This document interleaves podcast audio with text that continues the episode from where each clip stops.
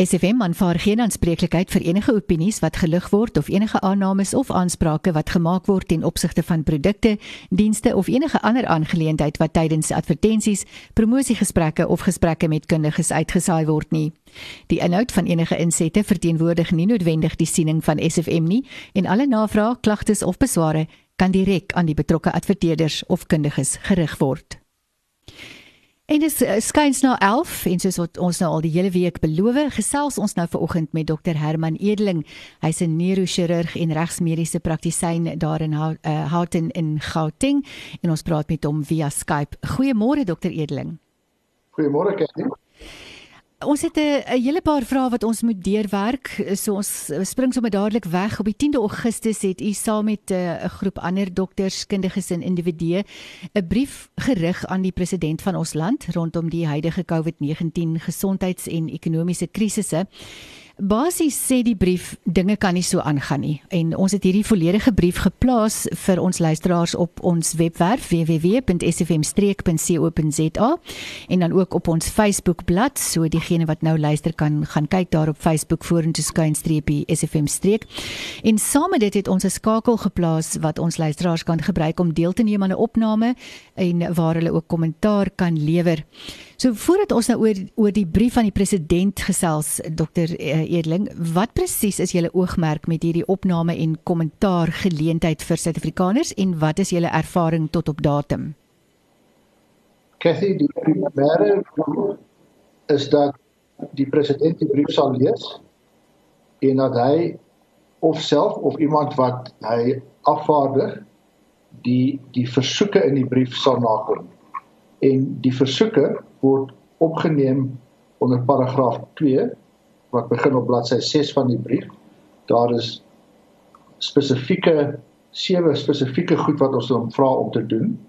En heel aan die einde vra ons dat ons is bereid om met 'n groep wetenskaplikes met hom of sy mense te vergader om die inhoud van hierdie met hom verder te bespreek, te verduidelik en te wys na wetenskaplike navorsing wat ons menings ondersteun. So ons soek eintlik 'n vergadering met die president of een van sy afgevaardigdes om hierdie verder te bespreek om te verduidelik hoekom ons voel dit is in landsbelang dat die versoeke in paragraaf 2.1 tot 2.1.7 van ons brief geïmplementeer word. En die Suid-Afrikaners se reaksie op die skakel, is daar mense wat al deelgeneem het aan die aan die opname, kommentaar gelewer het en so aan? Ja, ons het ons het hierdie brief gestuur op die 10de Augustus. Uh in die in die in daai nag, die nag van die 10de het ons ehm um, die die skakel opgesit na die na die meningsopname. En sover het ons 814 mense wat geantwoord het om te sê hulle ondersteun die brief. Ek het ook in die tussentyd 'n uh, 'n hele klomp positiewe boodskappe van dank en waardering gekry van mense wat sê dat dat hierdie brief verduidelik hulle kommernisse en hulle probleme baie goed en hulle bedank my dat ek dit verwoord het. Ek moet sê dit is 'n indrukwekkende stukkie werk daardie daardie dokument. Dit is baie duidelik al die punte en dis dit is verwoord in 'n taal wat ons kan verstaan maar wat uh, wat baie duidelik uiteensit die dinge wat ons daar buite oor wonder want ons is nie medisien nie ons wonder maar ons sit tussen twee kampe en ons kyk na die dokters om ons te help en die dokters stem nie almal met mekaar saam nie. Nou oor na die brief. Die brief praat van die amptelike standpunte wat herhaaldelik en tot uitsluiting van enige ander inligting tot die teendeel deur die regering en in die media herhaaldelik uitgespel word. Ja. wat ons gelaat het in 'n posisie waar elke elkeen van ons nou maar op die uiteinde self deur al die inligting moet probeer sukkel sodat ons 'n ingeligte besluit kan neem voordat ons in die ry gaan staan. En volgens ja. paragraaf 1.5 in hierdie brief daar word gesê ek lees dit nou in Engels in effect the cure may become worse than the illness en ons het nou nie tyd om deur al hierdie amptelike standpunte te gaan nie maar in 1.8 noem u dat hierdie amptelike standpunte skadelik is omdat dit misleidend en irrasioneel is. Gee vir ons 'n voorbeeld. Ehm um, jy sal sien in daai paragraaf is daar verwysing na drie dokumente. Ekskuus, do, uh, twee dokumente. Israeli studie en die COVID statistics in in IJsland. Mhm. Mm in albei daai lande het hulle gevind dat na die massa toediening van hierdie sogenaamde vaksines het die voorkoms van COVID infeksies en sterftesyfer van COVID gestyg in daai twee lande. Ja. IJsland is is miskien die hoogste of IJsland of Gibraltar het die hoogste persentasie van die bevolking wat hierdie uh, enstof gekry het en albei van hulle se siektesyfer en sterftesyfer het gereis.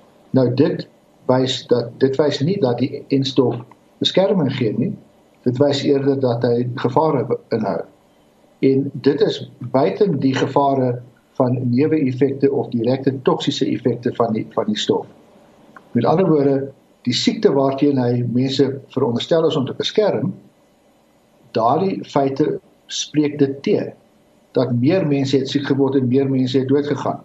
Ja. Ek is bewus van soortgelyke statistiek in Engeland en ek het 'n studie gesien van 'n kollega, dis nie gepubliseer nie, maar hy het data ge, ge, ge, saamgevat uit 90 verskillende lande. En in elkeen van die 90 lande van hulle amptelike data het hy gevind 'n stygings in COVID siektes en 'n stygings in COVID sterftes wat begin het binne omtrent 2 weke van die uitrol van die vaksineveldtog in daai lande. Ja, ons het hier in in ons uh, plaaslike gemeenskap het ons 'n sterfgeval uh, in die afgelope dag van 'n baie bekende persoon. Ons gaan nou nie daaroor praat nie, maar dit is iemand wat na sy inenting gesterf het. En daar was ook so 'n geval in die Oos-Kaap wat een van ons luisteraars vir ons deurgestuur het, ook 'n bekende persoon wat uh publiek gemaak het wanneer hy ingeënt is en 'n paar dae daarna het hy ook gesterf. Ons sal op 'n later stadium daardie besonderhede hier op ons program deurgee. Maar dit is nou sommer net so terloops. As ons nou kyk uh in paragraaf 1.87 van die brief dan praat ja. hy van die inentings as experimental genetic interventions en sê dit is hoekom mense instinktief die mRNA inspuiting assosieer met die enstowwe wat hulle ken. Is dit ja. nie maar net mediese vooruitgang nie uh, of is daar rede tot kommer oor dinge soos wat in die volksmond nou al bekend staan as die die verandering van ons DNA? Ehm um, ek kan nie vir jou sê of dit die DNA verander nie, maar ek sal vir jou sê wat ek kan sê wat wat baie goed bekend is. Eerstens, dis nie net 'n speel op woorde nie. Dis 'n hmm. baie belangrike verskil. Ehm um, die die mRNA vaksines, vaksines, vaksines, ek sê tog is wetenskaplike vooruitgang. Mhm. Mm daar is geen twyfel daaroor nie. Die die probleem is, is dit wetenskaplike vooruitgang wat mense gesonder maak en beskerm of is dit wetenskaplike vooruitgang wat mense sieker maak en doodmaak? Ja. Nou nou dit is eers baie onlangs in die mense in in die wêreld uitgerol. Daar is geen kennis en dit is totaal onmoontlik om enige kennis te hê van wat die langtermyn nagevolge kan wees. Niemand kan weet of daar langtermyn beskerming is nie en niemand kan weet wat die langtermyn risiko van dood of siekte is nie. En daar's ook geen kennis oor die wye soorte siektes wat mag voorkom in die langtermyn.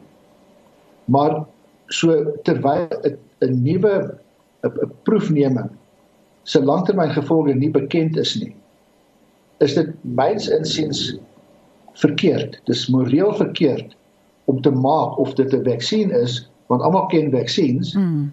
Maar dit is nie 'n vaksin nie. Dis 'n ander ding. Ja, daar's 'n implikasie wat ek meen iemand soos ek sal nou mos nou glad nie weet wat die verskil is uh tussen tussen wat uh, die mRNA inspuiting is en wat die so, enstof is wat ek as kind gehad het nie. Ja, nou nou nou ek ek sê dit kortliks in hierdie ding, maar die maar die feit is dat die vaksines wat ons almal ken, wat ons almal gekry het as babas en wat ons babas almal gekry het. Mm. En is 'n 'n dooie of 'n verswakte virus wat ingespuit word. So dit is soortgelyk om die siekte te kry, maar jy kry dit nie met 'n lewendige sterk virus nie. Ja. Jy kry dit met 'n swak virus of 'n of 'n dooie virus en jou liggaam ontwikkel 'n immuunrespons daarteenoor. Ja. Hierdie is totaal en anders 'n ander ding. Ja. Hierdie is 'n genetiese materiaal, in hierdie geval mRNA. In die Johnson & Johnson geval is dit DNA, in die in die Pfizer en Moderna is dit mRNA. Maar dit alles dit is genetiese materiaal wat ingespuit word en dan moet daardie mRNA of DNA penetreer die selle en dan affekteer dit die funksie van jou gesonde selle en dit maak vir hulle om coronavirus spike protein te vervaardig. So effektief word die ingeënte persoon 'n fabriek vir coronavirus spike protein. So dis 'n nou, heeltemal 'n ander meganisme. Totale ander meganisme. Nou die, in die in die beginstadium van die teorie maak dit sin. Mm -hmm. Want die teorie is daai spike protein wat jou selle maak, gaan 'n immuunrespons ontlok en dan is jy immuun teen die ding. Mm. Maar wat nie geweet word nie waar die probleme is, vir hoe lank gaan dit aan? Ja. Ons weet hoeveel virus word in in in 'n griepinspuiting gegee of in in in 'n pampoentjies inspuiting. Maar hierdie mRNA gaan dit vir een dag werk of gaan dit vir 10 dae werk of gaan dit vir 6 maande werk hmm. of gaan dit gaan jy vir 5 jaar aanhou spike protein vervaardig? Ja. So 'n bietjie min inligting. Daardie tydsduur is of nie bekend nie of indien dit bekend is word dit nie gepubliseer nie. Ek sien. Nou ek weet ek is nie lus myself om vir 'n onbepaalde tyd in die toekoms coronavirus spike protein te vervaardig nie. Ja. En die ander ding is dat die die waarskynlikheid is dat daar word baie meer coronavirus spike protein vervaardig deur jou liggaam as wat daar sou wees indien die vaksinne byvoorbeeld coronavirus spike protein sou gewees het. Want dit is 'n bepaalde hoeveelheid. Ja. Nou daar is reeds in die korttermyn resultate wat bekend is, is daar reeds 'n baie hoër insidensie van siekte en dood na hierdie nuwe eksperiment as wat daar met al die ander vaksines in die verlede was. En dit maak 'n groot verskil. Dit is belangrik vir ons. So die die, die langtermyngevolge is onbekend, maar die korttermynresultate is is is baie ontstellend. Want dit is baie dis tientalle hoër as wat die nagevolge was van ander vaksines. Dokter Edling, ons gaan goue breek neem vir musiek en dan gaan ons 'n bietjie verder gesels oor dubbele standaarde wat u in die brief genoem het en dan het ons ook so twee belangrike luisteraarsvrae wat ons gaan hanteer. Ons gaan dus nou net net breek vir musiek en dan praat ons verder. Natasha Klaas met kyk na my hart en ons gesels met Dr Herman Eerling, hy's 'n neurochirurg daar van Houghton in Gauteng. Ons praat oor die brief aan die president wat afgestuur is op die 10de Augustus. Dr Eerling, in hierdie brief uh praat hy van die dubbele standaarde daar in paragraaf 1.9. Kan jy so 'n bietjie uitbrei vir ons luisteraars? Sekerlik Cathy, ek verwys na drie voorbeelde van dubbele standaarde. Die eerste een is oor die PCR toets wat gebruik word om die COVID te diagnoseer. Nou julle is almal bewus dat elke dag word ons oor die media word ons vertel die aantal nuwe COVID infeksies in die land die afgelope 24 uur mm -hmm. en die aantal sterftes die afgelope die uur en ons word op 'n gereelde basis vertel hoeveel mense met COVID is opgeneem in die hospitale. Ja. En die aanname in daai statistiek is dat elke persoon wat 'n positiewe PCR toets het, is siek of in die hospitaal of dood as gevolg van daai COVID. Met ander woorde, dit word voorgegee met 'n oorsaaklike uh, verbintenis. Ja. Die COVID het die sterfte veroorsaak. Hmm. Maar aan die ander kant, wanneer iemand 'n vaksinne gekry het en hulle gaan dood en dit word gerapporteer, dan word dit nie gerapporteer as 'n vaccine related death nie. Dit word gerapporteer as a death of unknown cause in somebody who was vaccinated. We are going to investigate to determine what was the real cause of death. Dit dit hoor ons altyd. Dis met ander woorde ter uitsluiting van die die die enstof kan uh, word ja, uitgesluit as oorsaak. Met ander woorde, miskien het hulle toevallig die enstof gekry en hulle dood gegaan van iets wat nie verband hou met die enstof. Ja, wat moontlik is. Maar wanneer iemand 'n positiewe PCR toets het, word dieselfde standaard nie toegepas nie. Ja. Miskien het hulle 'n PCR toets, maar miskien het hulle van 'n van 'n skietwond dood gegaan ja. of miskien het hulle van 'n motorongeluk dood gegaan.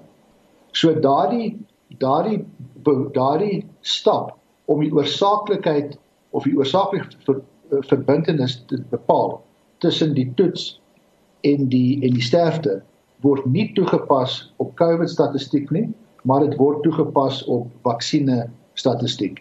Ek sien. En die ander ding wat daarmee saamgaan is waar die COVID statistieke elke dag uitgeblaker word. Het ek nog nooit gehoor hoeveel mense in die land met vaksines het siek geword vandag nie? Hoeveel mense met vaksines is in die hospitaal opgeneem of hoeveel mense met vaksines het doodgegaan. Maar dit is die groot probleem as daar inligting nie verskaf word nie want dit dit is waar my persoonlike vrae ontstaan. Gee vir my die statistiek sodat ek weet. As dit as jy dit nie vir my gee nie, dan begin ek vra vra. Dis reg. En jy sal sien daardie is een van ons baie pertinente versoeke en ons versoeke aan die president in 2.1.6 track and publish daily statistics on the numbers and proportions of vaccinated individuals who have got serious health issues admitted to hospital have died en ook die aantal mense in die hospitaal wat gevaksinereer is. Ja. Ja. So hoekom gee hulle nie vir ons dit nie, maar hulle gee vir ons die die aantal mense wat van COVID dood gegaan het. Ongeag dat sekere van hulle, ons weet nie hoeveel, het dalk van iets anders dood gegaan. Ja. Dokter Edeling, ander dubbelstandaarde wat u noem in die brief? Ehm um, daar's baie inligting wat bewys dat ivermectin baie waardevol is in die voorkoming van COVID en in behandeling van COVID veral in die vroeë stadiums, maar ook in die laat minder gevolg in die later stadiums. Ja. SAPRA sê daai studies is nie bevredigend nie. Dit dit is nie op standaard nie. Maar die die die die studies waarop hulle die die vaksines uh, toegelaat het, is op 'n baie laer standaard as die as die literatuur oor ivermectin. So hulle gebruik een standaard om ivermectin af te keer en 'n ander standaard om die om die mRNA uh, uh, eksperiment goed te keer. Ja, dit is inderdaad 'n dubbel standaard en daar is ook nou 'n versoek in die verband uh, aan die president gerig. Ja.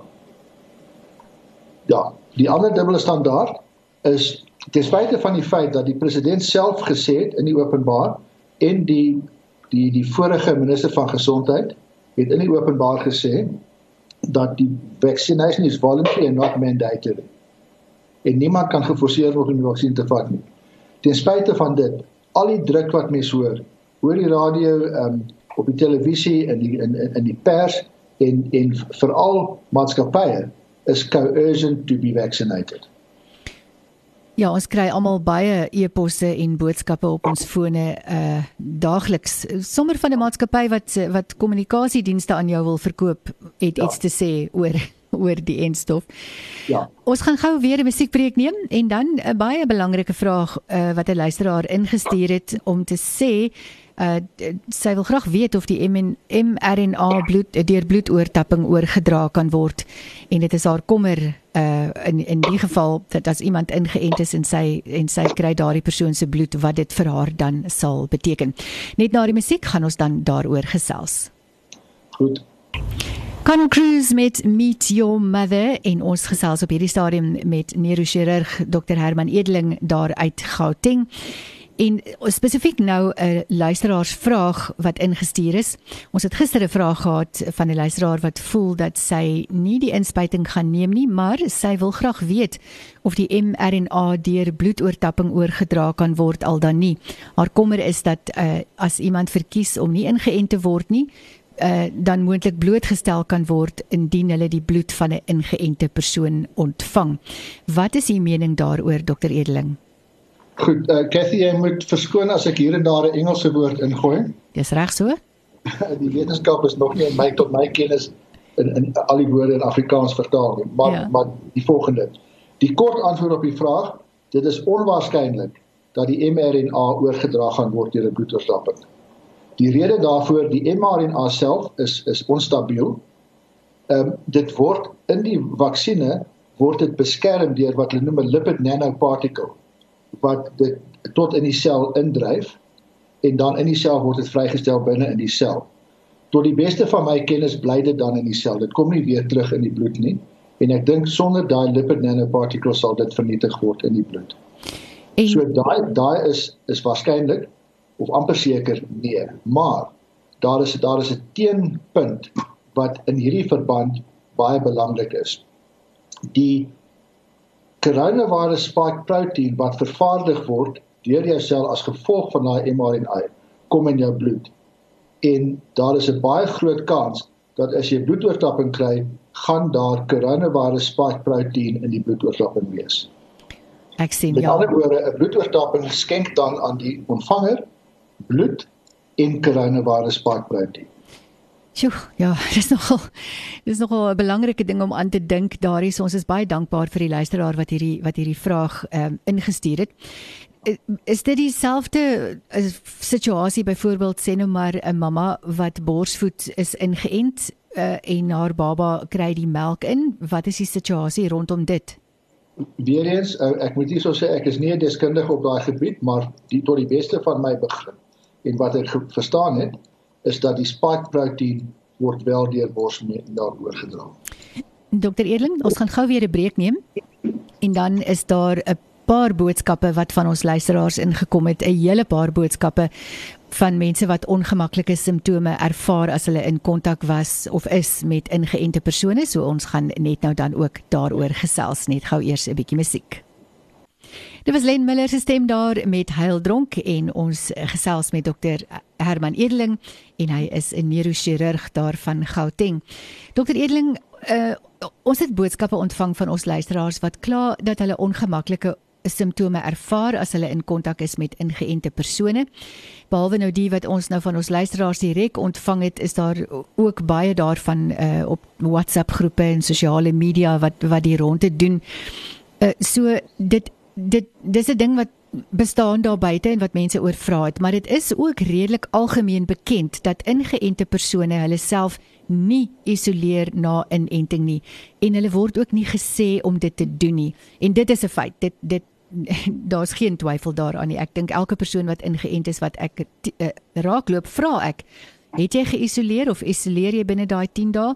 En mense is ook hulle voel so gemaklik en rustig en veilig omdat hulle nou die inenting geneem het. Dat dit amper die eerste ding is wat hulle vir jou sê in 'n gesprek. Hulle sê, "Ag, oh, ek het gister my inenting geneem. Ek voel so veel rustiger." Bestaan daar dan nou so 'n ding soos die sogenaamde shedding wat nou die die shedding van die betrokke spike proteïen om nou die Engelse woord te gebruik wat vervaardig word in die liggaam van ingeënte persone. En en die groot vraag is behoort ons te isoleer as ons die inspuiting gehad het? Goed, Cathy, ek wil weer eens net seker maak dat dit duidelik is ek is nie 'n viroloog nie en ek is nie 'n immunoloog nie. So ek het nie persoonlik mediese deskundigheid in hierdie element van wetenskap nie. Ja. Maar ek het wetenskaplike verduidings gehoor van baie hoogs gekwalifiseerde en geërvare wetenskaplikes wat viroloë en immunoloë en so is oor die wêreld. En hulle sê daar is so 'n ding. En wat hulle vir my sê maak sin en dit is geloofwaardig. En effektief is dit dit. Jou liggaam nadat jy ingeënt is, vervaardig nou spike proteïen. Waar gaan dit? Dit dit is in jou bloed, dit penetreer jou ander selle dit gaan steek vas op die endoteel die die die die die binnelaag van jou bloedvate waar dit waar trombose dan uh, gevolg. Nou dit is heeltemal geloofwaardig dat dit ook deur jou longe kom en in jou asem uitgeasem word. Net soos 'n persoon met coronavirus, dit is die die die hele virus wat insluit die spike proteïen word uitgeasem. Dit is bekend. Nou as jy nou net die spike proteïen het maar sonder die res van die virus, hoe sal dit anders hoekom sal dit want dit is 'n kleiner partikel as die hele virus. Mm. So dis heeltemal geloofwaardig dat daai spike proteïen word dan uitgeasem deur die persoon wat gevaksinereer is, net soos wat die virus uitgeasem word deur die persoon wat die siekte het. Ja. En en so ek aanvaar van wat ek gesien het dat dat dit waarskynlik is dat dit werklik so is. As ek ingeënt is, moet ek weet dat waar ek gaan, gaan ek die spike proteïen in die lug versprei rondom my en mense wat naby my is kan dit inasem en dan het ek die spike protein vir hulle gegee. As ek dit nou reg verstaan, as ons nou nie weet hoe lank die liggaam gaan aanhou om hierdie spike protein te vervaardig nie, da, want ek meen ek het nou al gehoor van die mense sê jy moet vir 2 weke isoleer of jy moet vir 'n maand isoleer of of wat ook al dis dis nou maar sommer net praatjies wat 'n mens daar buite hoor. Maar as ons nie weet hoe lank hierdie spike proteïen gemaak gaan word nie, dan weet ons ook nou nie hoe lank sal die sogenaamde shedding plaasvind nie. En en en, en dit is oor daar's twee redes om te isoleer. Die eerste rede, die die die ding van jy moet vir 2 weke isoleer, gaan oor die oor die die verskynsel van immune suppression. En dit is 'n baie bekende verskynsel. Wanneer jy ingeënt word vir omtrent 2 weke, is jou immuunreaksie onderdruk En in daai 2 weke wat dit onderdruk is, is jy jouself meer vatbaar vir koronavirus maar ook vir ander siektes. Ah. So die ingeënte persoon die immuunrespons ontwikkel eers na daai tyd.